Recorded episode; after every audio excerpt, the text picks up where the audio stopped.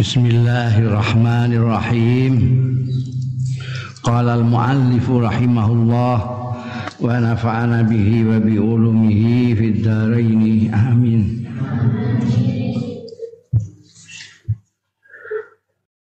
Wa abahal islamu at-tanafusa fil ilmi wal hibta fihi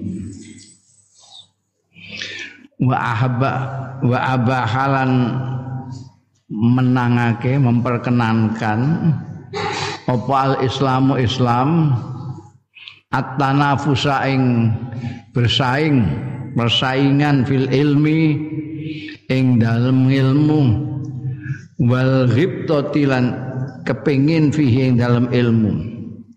Sangat ingin mendambakan mengharapkan Wahya utai ghibtah sing dimaksudnya kepengen itu piye maksudnya wahya utai ghibtah iku mahabbatu ma demen barang ladal akharin kang ana sandinge wong liya. Duna tamanni tanpa meng, mengharapkan zawalan nikmati anhum ing ilangi kenikmatan anhum saking akhirin biasanya buruk itu hibtah jadi ada orang punya sepeda terus kue kepengin duwe sepeda. Ana ana wong duwe apa mobil kepengin mobil. Ana wong anu duwe apa ae kowe kepengin ana sing jahat itu ana sing kepengin kaya larise warunge kancamu ben warunge kancamu iku bobor warungem laris kaya wae ndekne Dewi. Iku sing ma'azawali nikmati anhum. Wong duwe kenikmatan terus iku jenenge hasud itu. Nah iki hiptah gak ngono. Hiptah itu kepengin tapi tidak ingin kenikmatan yang dimiliki orang lain itu hilang. Ya surah hilang lah. Tapi aku kepengin koyok ndekne. Itu hiptah Nah itu ndak apa-apa kalau itu soal ilmu. Jadi kue roh wong duwe ilmu, wah itu ilmune kok hebat ngono. Ngerti iki ngerti iku oh, ya Allah. Wah aku mbok iya iso kaya ngono-ngono ya Allah. Ngono. Iku hibda, pengen nek perlu aku tak sinau sing nemen ben iso ngungkuli ndikne ngene. Iku tanafus. Itu abahal Islam. Islam memperkenankan. Mergo jaa fi hadisin Mustaqa fi hadisin dalam hadis muttafaqun alaih An Ibnu Mas'udin saking sahabat Ibnu Mas'ud radhiyallahu anhu Kala ngendika sapa sahabat Abdullah bin Mas'ud kala dawuh sapa Rasulullah sallallahu alaihi wasallam la hasada. Ora ana iri iri-irian apa? Mengiri kepada orang lain ini. la hasada ora ana iri iren illa fisnatain kejaba ing dalam dua hal. Yaitu tembung hasad Jane sing persis hiptoh la hasad itu memang ada tujuan maknanya itu semua hasud itu tidak baik. Bala hasad illa bisnatain ing dalam dua hal. Apa saja itu? Satu, rajulun atahullahul malan. Rajulun wong lanang atahu kang maringi ing rajul sapa Allah Gusti Allah malan ing bondo fasallatahu. Mongko nguasani sapa rajul hu ing mal. Ala halakati ing atase entek mal fil haqqi dalam kebenaran. Itu yang pertama. Meloro warajulun atahu. Maringi hu ing rajul sapa Allah Gusti Allah al hikmata ing hikmah ilmu. Fahuwa mongko utawi rajul iku yakdi. Mutusi ya rajul biha kelawan hikmah wa yu'allimha lan mulangake sapa rajul ha ing hikmah. Jadi nek kasut ning gone wong sugih kasut nembekan wong sing duwe bono pirang-pirang tapi Yus kaya biasa itu. gak anu, gak mingini lah. Gak bikin orang iri. Yang bikin iri itu ada orang diparingi Gusti Allah harta banyak kaya tapi hartanya itu dihabiskan untuk menegakkan kebenaran untuk melaksanakan hal-hal yang benar disedekahno, di ngamalno untuk membela orang yang lemah, untuk membantu kaum duafa dan seterusnya. Itu perlu dikepingin itu. Wah, aku nek sugih ngono kaya ndekne ngono. Muafike ngono duwe semono akeh. Blas ora ana sing dienggo foya-foya dhewe gak ono, kabeh digunakan untuk fil haq dalam kebenaran. Ya, orang yang seperti ini yang pantas diireni.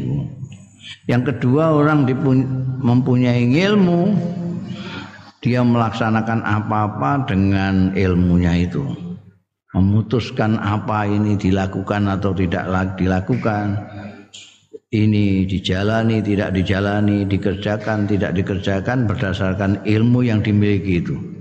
Di samping itu ilmunya diajarkan kepada orang lain. Nah, orang yang begini ini yang pantas di ireni kok ngono duwe ilmu, ilmune manfaate kaya ngono, dene dhewe nglakoni isih diulangno karo wong. Mau iku aku nek ngalim kaya ndekne pengen aku ngono iku. Tak ngamalno ilmune tak wulangno. Ya dua dua lagi.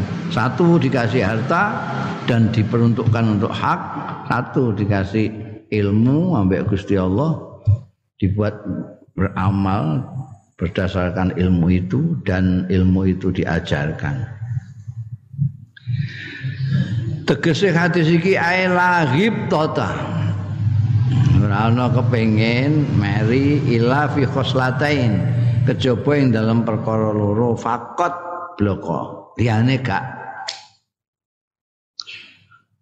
rajulun atahullahu malan yaiku wong lanang sing maringi ing rajul sapa Allah Gusti Allah malan ing bondo fa amfaqahu mongko nafaqahna ya rajul hu ing mal fi wujuhil qurab ing dalem arah-arah segi-segi marek-marek Gusti Allah.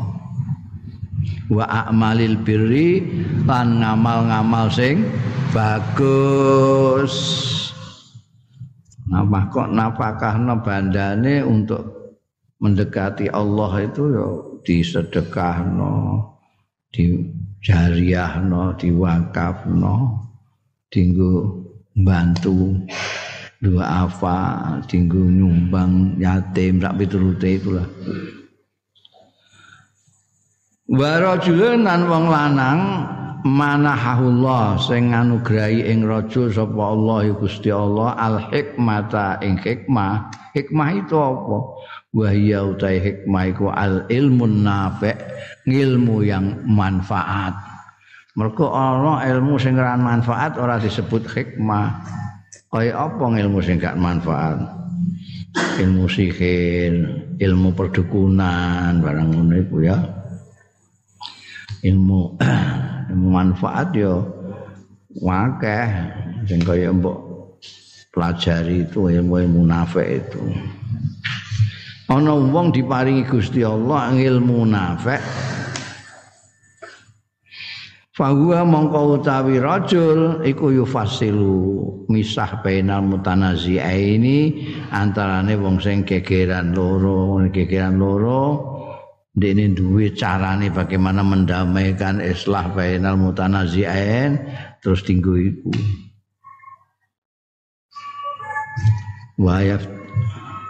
Wayufti lan memberi fatwa ya rajul mergo dene duwe ilmu nafek digunakan untuk berfatwa untuk ngandani memfatwai al mustaftini al mustaftin wong-wong sing jaluk fatwa. Bimuji bidzalika kelawan sing majibake mengkono-mengkono ilmu nafik jadi ilmu nafik menjawabnya begini itu yang dijawabkan kepada orang yang minta fatwa. Nah ilmu nafi mengatakan tidak ya yang tanya dibilang tidak boleh. Iki dasare Qur'ane disebutno hadise disebutno karena dia ngerti Quran dan hadis itu. Wa huwa utawi mujibu zalik al ilmu sahih ilmu sing sahih. Wa fi hadalan ing dalem iki hadis hasun utawi anjuran wadihun sing cetha. Ala talabil ilmi ing atase nuntut ngilmu wal amali bil ilmi lan ngamalake kelawan ilmu wa taklimi lan mulang annasa. Ada dua hal di sini ada dua hal yang sering kadang-kadang orang merancukan dua hal ini jadi ada ilmu yang manfaat ada ilmu yang dimanfaatkan ada ilmu yang diajarkan. Dua-duanya dianjurkan. Kalau kamu belajar hadis lalu isi dari hadis itu kamu amalkan. Ini namanya kamu mengamalkan ilmu. Tapi kalau kamu ajarkan kepada orang lain, pengetahuanmu tentang hadis itu itu namanya taklim kamu mengajar jadi akan berbeda nanti ketika misalnya ilmu hadis ilmu tafsir barang kan gampang itu cetok itu loh bedanya memanfaatkan ilmu dengan nasrul ilmi memula apa mengajarkan ilmu tapi yang kadang-kadang orang rancu itu kalau kamu belajar nahwu sorob mengamalkan nahwu sorob itu beda ya. Nah, cara kowe ngamalno nahwu sorob itu.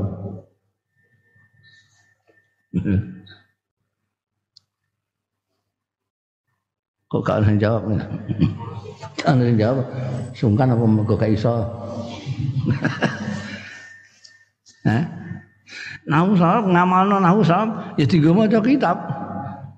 Karena itu kaidah-kaidah bahasa Arab.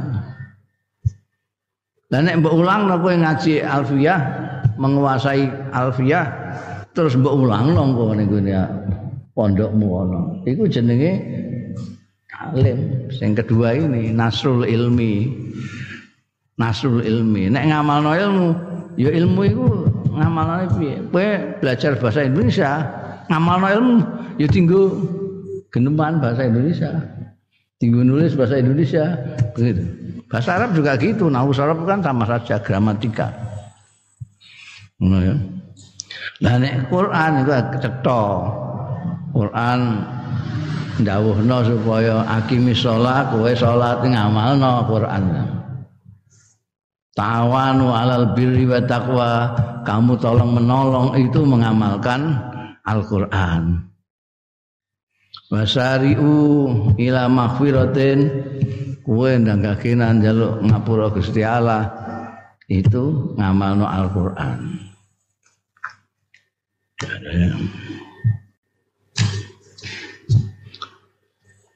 Hadis juga gitu, hadis itu juga gitu. Kul khairan awiskut. Nah, kowe kageneman sing apik, nek ora meneng itu isinya dawuh hadis, kamu juga begitu. Kamu diam saja nek agak ada yang ingin kau katakan sesuatu yang bermanfaat yang baik ya diam saja. Itu kowe ngamalno hadis dan seterusnya. Sing kadang-kadang orang itu rancu itu ya perkara itu. Nek bangsa ilmu yang sing kadung diarani ilmu agama mergo diajarkan ning pesantren ning madrasah kaya nahwu sorof itu orang mengiranya kan itu ilmu agama manfaatannya piye cek? Nahwu sorof memanfaatkannya ya dibuat nulis Arab dibuat membaca Arab, dibuat bicara Arab. Gitu.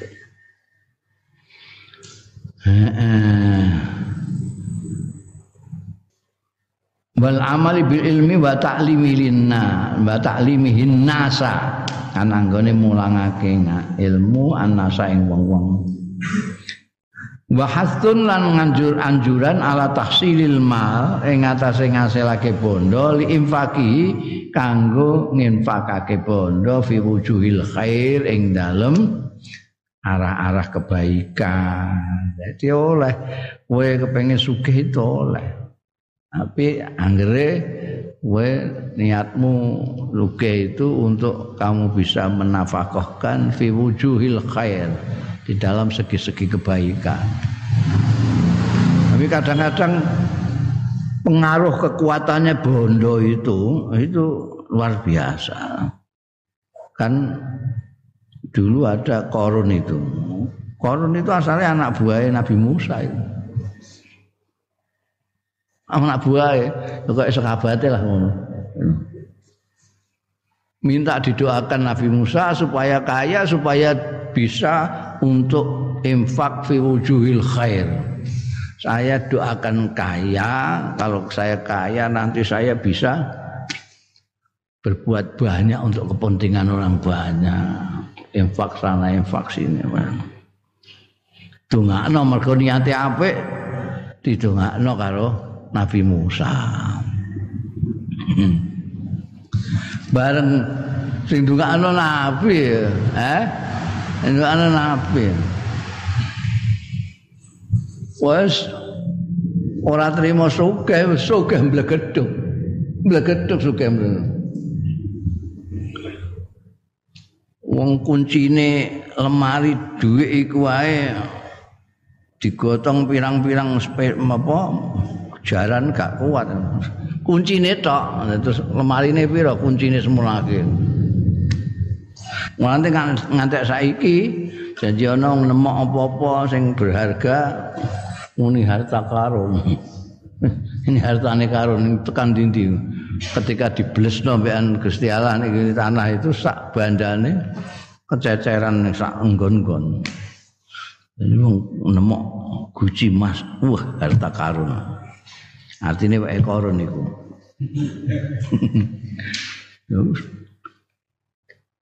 Panen mulane kudu hati-hati. Wes boleh kaya, boleh niat yang golek bono tapi untuk infak. Tapi ku cekeli terus niatmu iku. Lu akeh juga sing mirip-mirip dengan ini ya. Nyalon jadi kepala daerah. Jaluk dongo kiai. Mangke kula nek dados kepala daerah teng mriki mangke rakyat-rakyat niku kula PNI sing melarat-melarat niku pokoke ilang kabeh mangke mergo kula dadekno wong sugih kabeh. Oh iya Bareng wis dadi tenan sing disugihno ya awake dhewe mbekan keluargane. Ora ngono iku.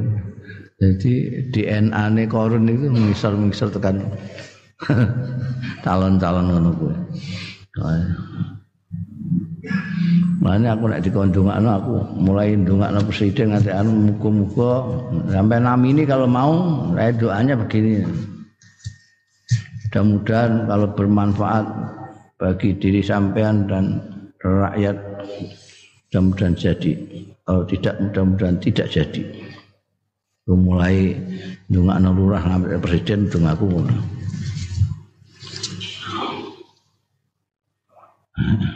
Wah, kadang-kadang ya kayak koron Wa sannafan nabiyyu alaihi salatu wassalam annas lan bagi sapa Kanjeng Nabi alaihi salatu wassalam annasa ing menusa asnafan beberapa bagian.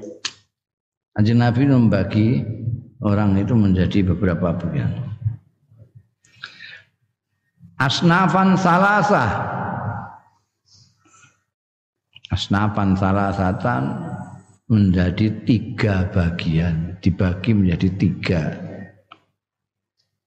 tiga jenis manusia bisa babi mau kifihi minal ilmi berdasarkan kelawan milang-milang posisinya kedudukannya enas minal ilmi saking ilmu newal ulama ilan ulama. Wong-wong sing duwe ilmu. Fi hadisin muttafaqin alaih. Ing dalem mongko iku ing dalem hadis muttafaq alaih. An Abi Musa radhiyallahu anhu Abi Musa al-Asy'ari radhiyallahu anhu Kala ngendika sapa Abu Musa, kala dawuh sapa an-nabi Kanjeng Nabi sallallahu alaihi wasallam. Masalu ma ba'atsanillah tepaning barang kang utus ing ingsun sapa Allah Gusti Allah bihi lawan gema bayane minal huda nyatane pituduh petunjuk wal ilmi lan ilmu iku kamasali ghaisin. Kaya padane udan. Asoba sing ngeneki ya ghais ardon ing tanah. Fakanat minha mongko ana minha saking ardon mau apa taifatun thayyibatun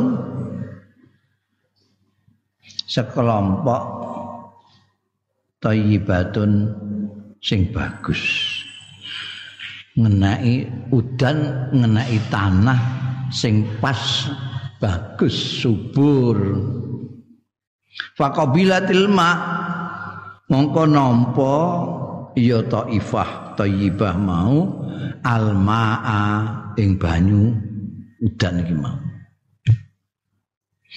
Fa ambatat mongko nukulna ya taifah. Taifah itu sekelompok dari tanah itu loh. Tanah itu kelompok konsir sing oke. Okay. wijuruyo-ruyo lil kadya pengantin anyar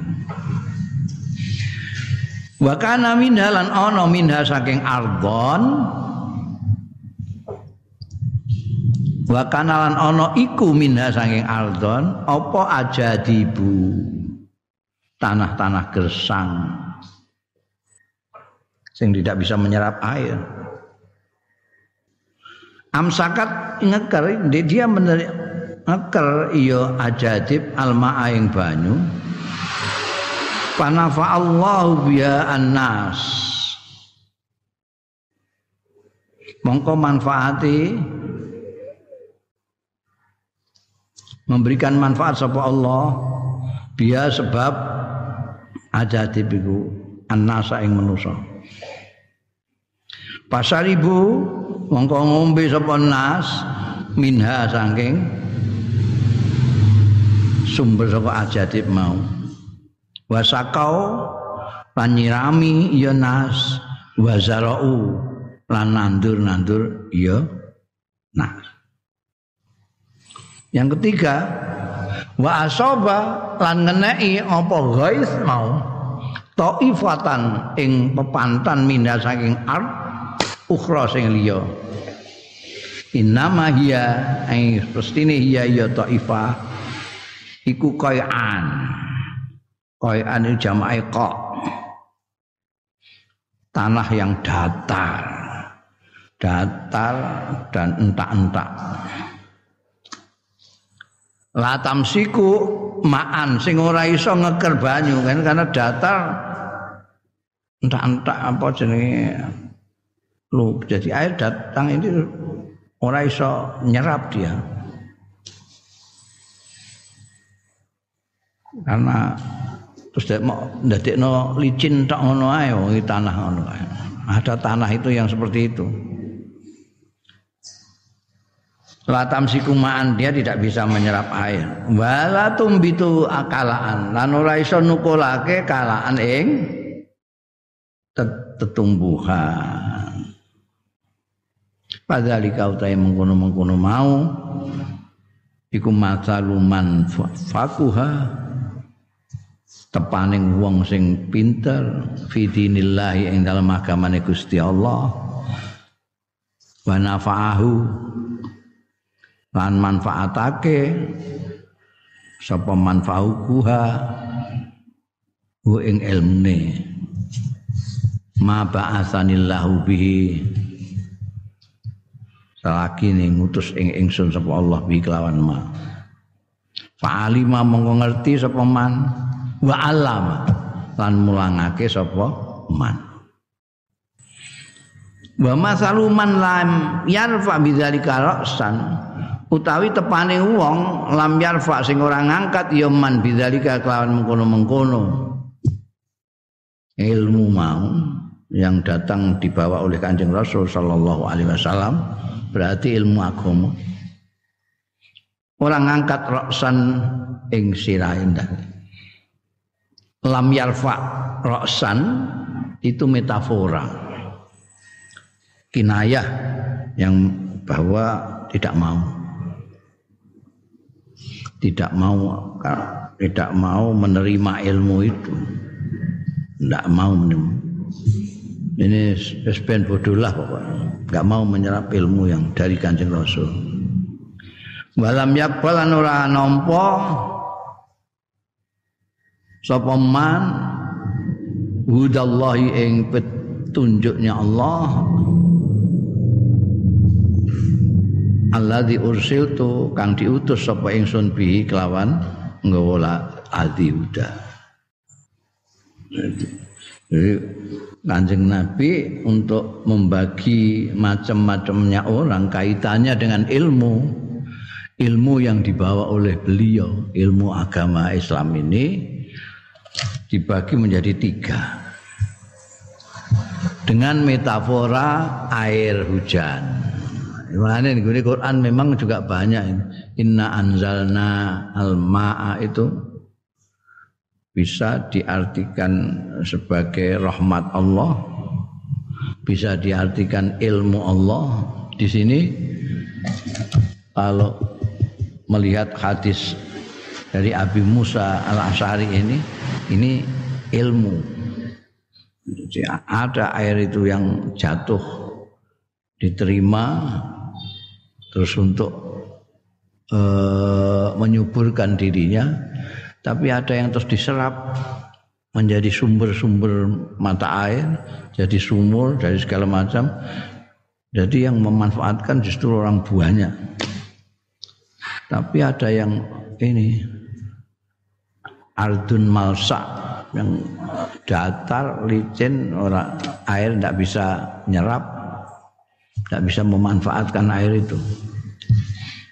Jadi pendek hadis ini artinya inan nas salah satu asnafin. Menurut kanjeng Rasul Shallallahu Alaihi Wasallam itu dibagi manusia itu ada tiga jenis. Sinfun satu jenis yahfadul ilma. Ya, menjaga ilmu ngapalno ilmu fayak malu mongko. Ngamalake ya sinfun bihi kelawan ilmu. Wa yu'allimuhu lan mulangake ya sinfun hu ing ilmu ghairahu ing liyane. Fayan fa'u mongko manfaati yang ilmu nafsahu ing awak dhewe sinfun wa ghairahu lan liyane sinfun. Ada orang yang mempunyai ilmu diamalkan sendiri dan diajarkan. Maka ilmunya itu bermanfaat tidak hanya untuk dirinya sendiri tapi untuk orang banyak. Bahwa afdalul asnaf. Bahwa utawi iki sinfun ini iku afdalul asnaf luweh utama-utamane jenis tiga ini. Kal ardit thayyibah kaya tanah sing bagus al muntafi'ah sing manfaati wan nafi'ah lan manfaat. Dia bermanfaat menyuburkan dirinya dan membagi kepada yang lain itu. Artinya memberi manfaat kepada yang lain. Wasin pun jenis yang kedua yahfadul ilma. Dia menjaga apal ilmu wayang kulhu lan mindahkan sapa sinfun hu ing ilmu li ghairi marang liyane sinfun. Duna ayak malabi tanpa yen to ngamalake sapa sinfun bihi kelawan ilmu. Ini duwe ilmu dipidatokno ceramahno di mulang rono mulang rene ini dhewe gak tau ngamal sing ngamalno wong liya kabeh Ini jenis yang kedua. Akeh kiring bangsa apa? Ngono-ngono iku ustaz-ustaz itu pirang-pirang. Wong kon wong lomo dene dhewe bakhil ngono kuwi kan berarti ini enggak ngamalkan orang-orang pada ngamalno padahal. Ngongkon wong supaya tawaduk di ini meletene ra karuan. Kalau ardil solba kayak bumi yang solba atas solba alati tahfadzul ma kang ngrekso njaga ya lati al ing banyu liyasraba mina supaya ngombe mina saking lati sapa ghairuha. Itu tadi dia menyerap air dia tidak memanfaatkan tapi yang lain yang memanfaatkan. Jadi sumur jadi sungai segala macam itu. Itu untuk kepentingan yang lain. Dia sendiri tidak tanahnya sendiri ya tetap monopoli itu yang kedua wasin pun jenis yang terakhir yang ketiga Iku yuk ridu anil ilmi, dia menolak mengo anil ilmi saking ilmu itu sing malsak tadi itu. Air ditolak sama sekali ya, karena tanahnya keras, licin, tidak mau menerima air. Ini ibaratnya orang yang tidak mau menerima ilmu. Kenapa tidak mau menerima? Karena biasanya karena konsep ilmu itu yang salah dia pahami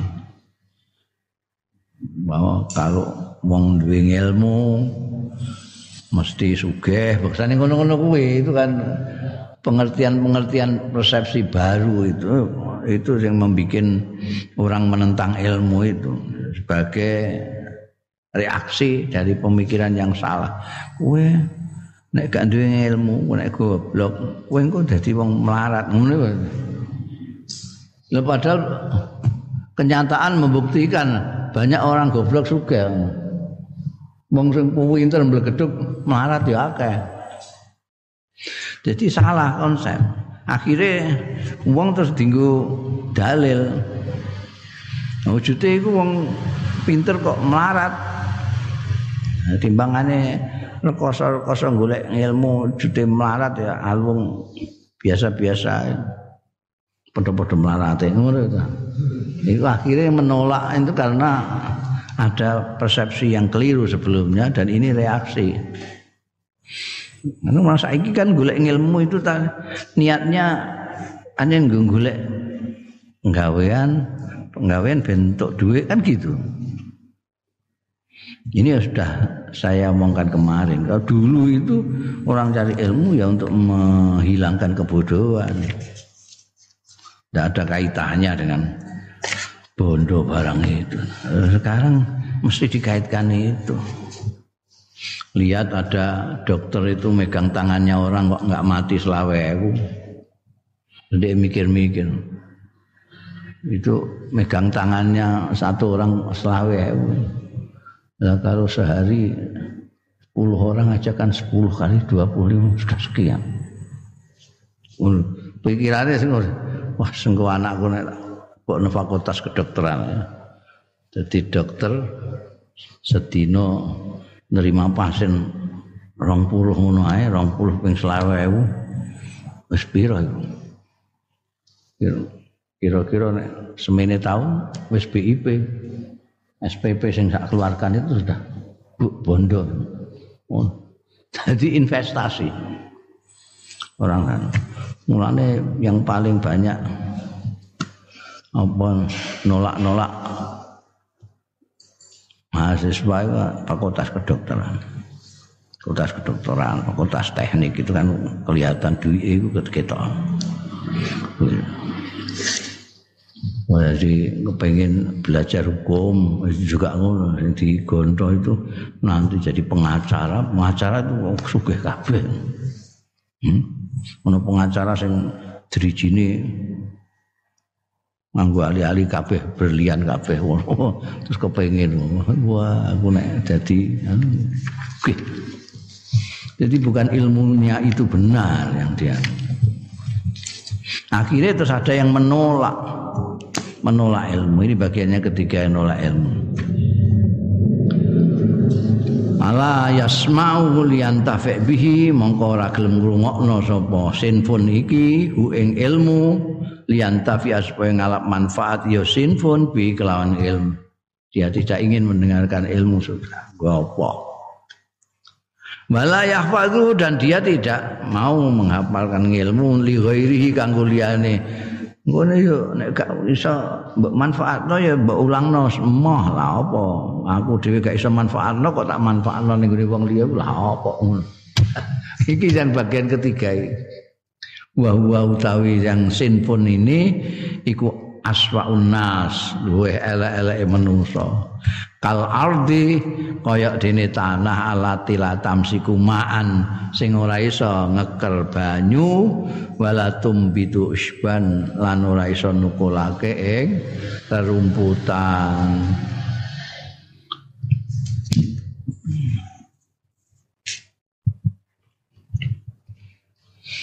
wal alimu utahe wong sing ngalim wong alim itu wong sing duweni ilmu dalam hal ini ilmu sing saka Rasulullah sallallahu alaihi wasallam. Karena ilmu itu bisa macam-macam. Jadi nek ulama itu makanya kalau menurut lugat secara bahasa itu pokoknya orang yang punya ilmu itu disebut minal ulama. Ilmu apa saja di dalam pengertian bahasa lugotan jadi Galileo Einstein huh? Habibi itu termasuk minal ulama lugotan nah istilahkan ya orang yang mengetahui ilmu yang dibawa oleh Rasulullah Sallallahu Alaihi Wasallam yang sering kita sebut sebagai ilmu agama itu. Gimana dengan ilmu itu kita bisa mendapat ridho dari Allah, kita bisa mengenal Allah, ya bisa itu itu Terus dalilnya innama yahsyallah min ibadihi al ulama itu. Ini yang repot itu karena asal ulama itu jamaknya alim. Ini alim imamun fid dakwah berarti memang yang dimaksud di sini adalah ilmu yang dari Rasulullah Sallallahu Alaihi Wasallam, ilmu agama Islam. Ya. jamaknya alim ulama. Di kita dijadikan bahasa Indonesia kabeh. Terus dicampur alim ulama. Wahai para alim ulama yang para alim ulama sekalian alim ulama dari sisi. Dan yang membuat rancu karena orang tetap masih mengingat bahasa aslinya. Wong ini bahasa sudah dari bahasa Indonesia masih ngingat-ngingat bahasa aslinya. Itu yang bikin rancu. Terus ono wong tukaran gara-gara podo gak ngerti nih. Yang satu menyalahkan yang lain, demikian sebaliknya. Yang benar itu ya silaturahmi. Oh, itu salah. Silaturahmi itu kan menyambung peranaan itu. Yang benar silaturahim gue ker genjik. Otot-ototan nanti gulune meledos kabeh. Karena tidak pada tidak ngerti ini. Atau ngerti cuma sebagian. Yang satu ngerti bahasa Arabe silaturahim. Tapi dia tidak tahu bahasa Indonesia silaturahmi. Memang dulu diambil dari silaturahim, tapi sudah menjadi bahasa Indonesia menjadi silaturahmi. Sehingga kalau muni silaturahmi ya benar karena itu bahasa Indonesia. Ada di kamus besar bahasa Indonesia silaturahmi ya resmi. Kalau saya nulis pakai bahasa Indonesia ya silaturahmi. Kalau bahasa Arab saya silaturahim. Itu. Indonesia itu kan ngambil bahasanya orang ya sak karepe ndekne wong pancen jikuk ngono wae gak ana sing ngurus ya. Iki ngambil enake dhewe no. Ngartekno kadang-kadang ya sak enake dhewe. Orang Indonesia itu. Wong jamaah itu sekaruan di mana-mana mbok takokno jamaah itu artinya wong akeh, wong jamaah. Sembayang jamaah artinya sembayang wong akeh. Di Indonesia itu sama sitok tok kok. Jamaah haji dari mana? Loh. Ngomong sih tak kok jamaah haji dari mana itu? Lah salah satu yang bikin kacau lagi ulama itu, alim ulama. Ulama itu bahasa Indonesia ngambil ya persis seperti dari sananya. Di sana ulama ya ulama alim ya alim, dijadikan siji alim ulama. Tapi kalau kamu delok nih gue kamus, nanti akan ada perbedaannya. Kalau kamu juga nih gue kamus besar bahasa Indonesia, ulama, entry ulama itu seorang ahli agama, seorang. Jadi kalau ada orang pidato bahasa Indonesia, eh, para ulama yang terhormat itu tidak salah. Tapi nek itu mbok anggap bahasa Arab salah. Karena para itu adatul jam'i. Adatul jam'i masa dimasukkan ke jamak enggak. Jadi mestinya para hadirin itu salah. Yang benar para hadir. Para ulama enggak, enggak benar, yang benar para alim. Tapi wong ulama iki ning gone anu seorang. Dan ulama itu bahasa Arab dengan bahasa Indonesia sudah lain. Sudah lain. Itu pengertiannya ngono mah kok. Seorang seorang ahli agama. Nah itu agama nggak dijelaskan agama Islam apa agama apa kan nggak Jadi pokoknya ngerti agama ulama. Lebih diciutkan lagi ulama cara Indonesia itu ialah orang yang menjadi anggota MUI. Majelis Ulama Indonesia itu orang menganggap ulama di dalam MUI itu ulama cara Arab. Enggak lalu hutan bala istilahan Mereka nek lughatan dia harus memasukkan insinyur-insinyur, ahli-ahli ilmu pengetahuan ilmu segala macam masuk situ. Nek lughatan. Nek istilahan ya tidak karena istilahan itu ulama itu ya yang innama yakhsyallaha itu. Allah wong wedi Gusti Allah genemane sak karepe dhewe sak umur senengane udele dhewe. Ya ora Tapi aja mbok salahno wong iku ulama bahasa Indonesia kok. Sak karepe wong Indonesia. Rupane kaya apa ae ketek-ketek diraupi. ya kita sebut ulama. Menurut kita sendiri sak karep-karepe. Wong orang Arab ora nuntut ae.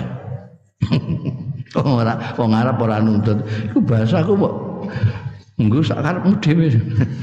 Ya ben wis suwe kok iki. Ya. Lah kowe nek delok terus ya ke salahmu dhewe. Nek kowe kok iku kono wong majlis ulama kok cangkeme ngono. Kok mulutnya kayak gitu? Itu kan mulutnya orang jalanan itu. Masa ulama mulutnya sembarang tinggal gitu? Ya salah kamu karena kamu nggak tahu bahwa ulama itu bukan ulama yang inama yahrallahu min ibadil ulama itu. Salah kamu memahami ulamanya MUI. Kalau yang ini ya mbok pada nabi ya cocok wal alim imamun fid dakwah. Wong sing disebut alim itu imamun pemimpin pelopor, orang yang terdepan, yang diikuti. Imam itu gitu. Fidakwati yang dalam dakwah ilallahi ta'ala. Dakwah itu orang kok mau ngomong.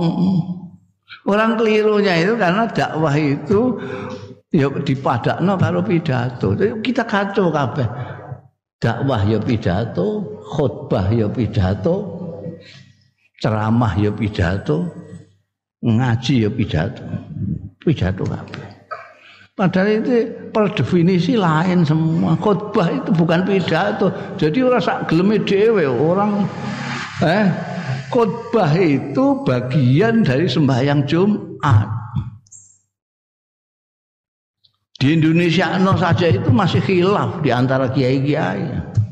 Apalagi kok dinggo pidato ngantek ndlewer-ndlewer pidato tentang segala macam urusan globalisasi dan segala macam itu apa. Khutbah itu bagian dari nek mbok delok mulai khutbah Kanjeng Rasul sallallahu alaihi wasallam sampai guri-guri itu justru khutbah itu bagian dari kesusastraan nah ini gak ada sastrane blas ya khutbah itu malah ngantuk ngomong bloko-bloko. ya. Dikacaukan dengan dakwah. Dikacaukan dengan pidato. Dakwah itu juga gitu. Dakwah dai itu sing pidato, tukang pidato itu tok. Lah ada dulu itu ada sahabat yang tidak pernah pidato. Tapi perilakunya menjelaskan benar. Itulah sikap Kanjeng Rasul sallallahu alaihi wasallam. Kamu tidak usah ngajak orang dengan pidato berkobar-kobar untuk bersikap tawaduk, bersikap sabar, bersikap kasih sayang kepada orang lain.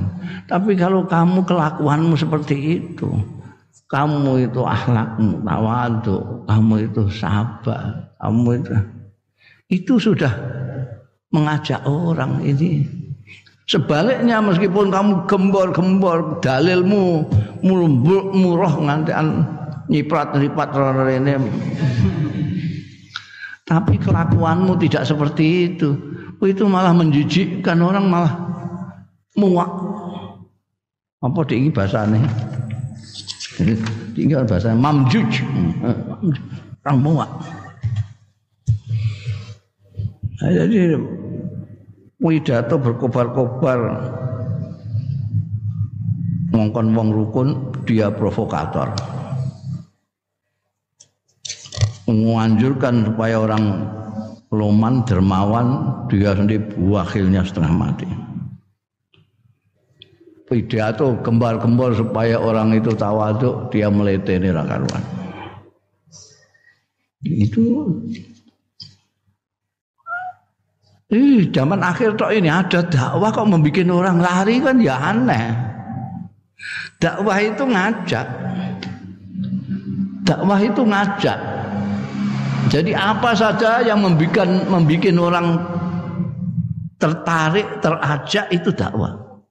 Apakah itu perilaku, sikap atau omongan yang manis?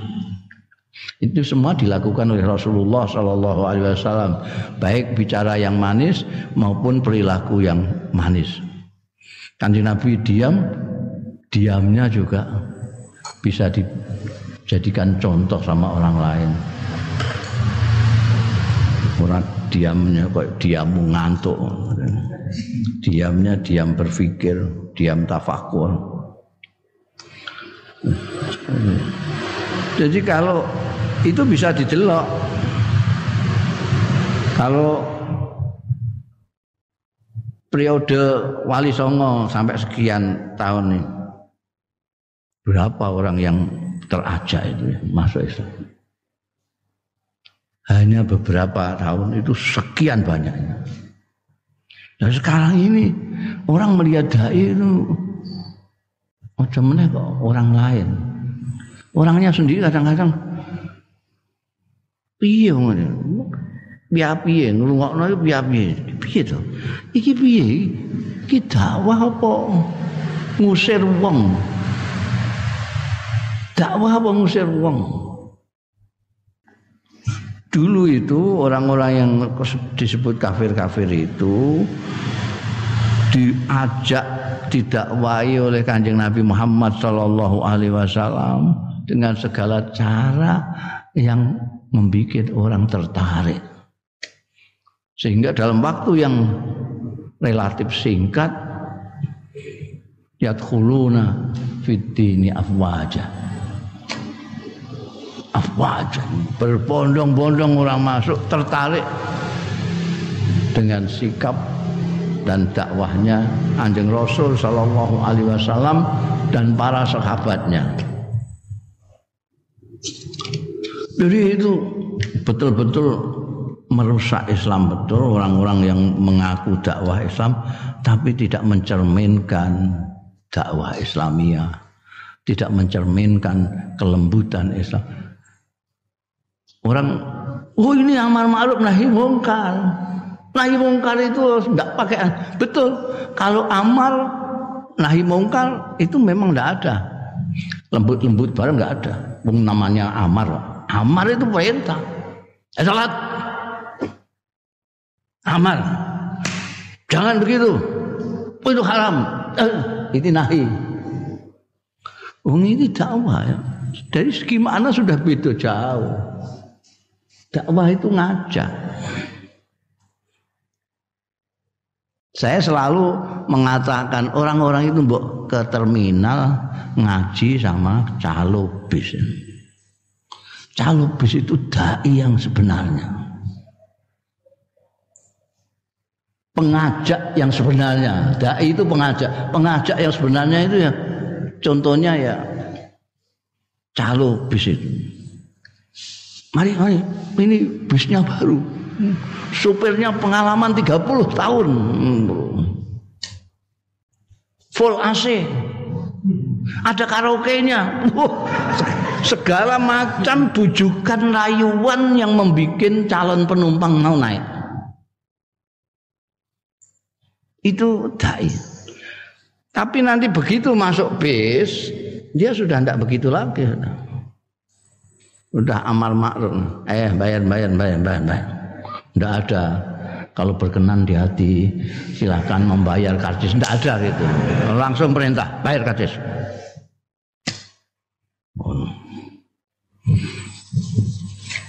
Jadi ana wong ngetokno sikute ning ngene jendela jangan keluarkan anggota badan. Oh, perintah. Ora kok terus didakwai. Itu ada panggonane dhewe-dhewe.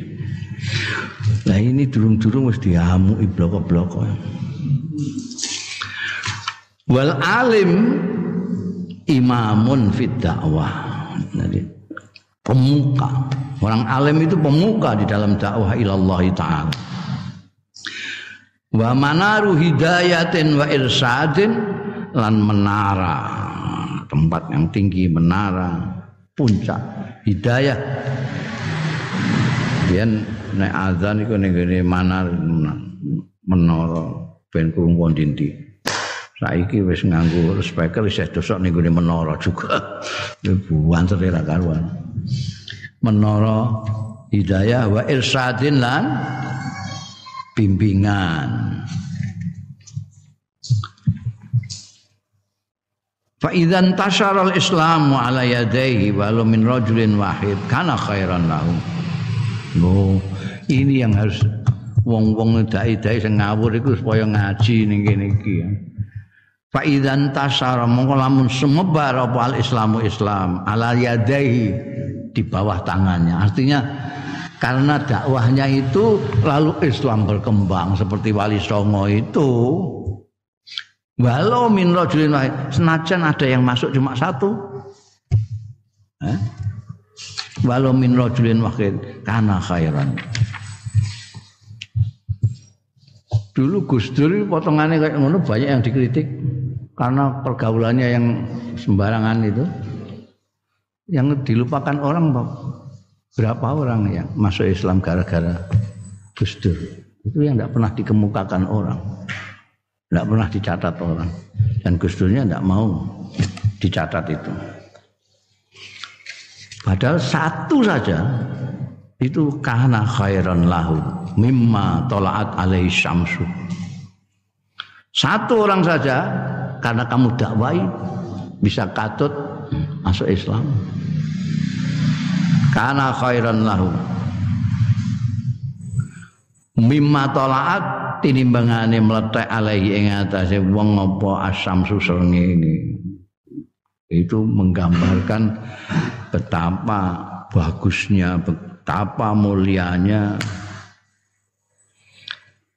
Au min sarwati dunya kulliha utawa saking kekayaan dunia seluruhnya. Dunia seluruhnya kamu miliki dibandingkan kamu menjadikan satu orang saja mendapat hidayah. Itu lebih baik satu orang yang kamu kasih hidayah itu. Ini penting sekali mengajak dengan cara-cara yang membuat orang betul-betul ikut kamu.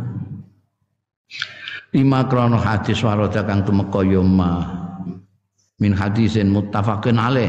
Lima krono keterangan waroda kang tumeka ya ma min hadisin muttafaqin alaih saking hadis sing muttafaq alaih an Sahl bin Sa'din radhiyallahu anhu saking sahabat Sa'ad bin Sahal bin Sa'ad radhiyallahu anhu. Anan Nabi ya setune Kanjeng Nabi sallallahu alaihi wasallam. Kala ngendika sapa Kanjeng Nabi sallallahu alaihi wasallam li aliin marang sahabat Ali radhiyallahu anhu. Sepupunya sendiri dan mantunya sendiri, Kaidina Ali seorang sahabat yang ngalim sekali ngendika dengan Sayyidina Ali fa wallahi fa wallahi ya Ali. Fa wallahi demi Allah. La ayyahdiyallahu bika li ayyahdiyallahu bika. Yakti ya ento nuduhno tenan paring hidayah sapa Allah bika sebab sira. Rajulan wahidan ing seorang wahidan siji khairun iku luweh bagus laka kanggo awakmu kanggo siramu min khumrin naam saking khumrin naam itu senengane wong Arab jadi satu lembah itu ada untanya semua, unta yang merah-merah itu. Jadi melihat lembah itu muabang karena penuh dengan unta itu.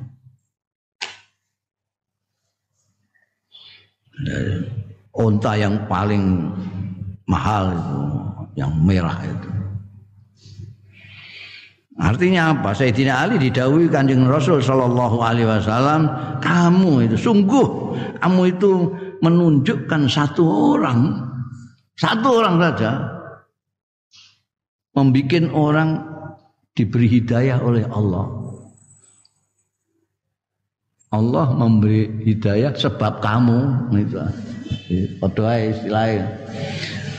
Satu orang saja itu lebih baik daripada khumrun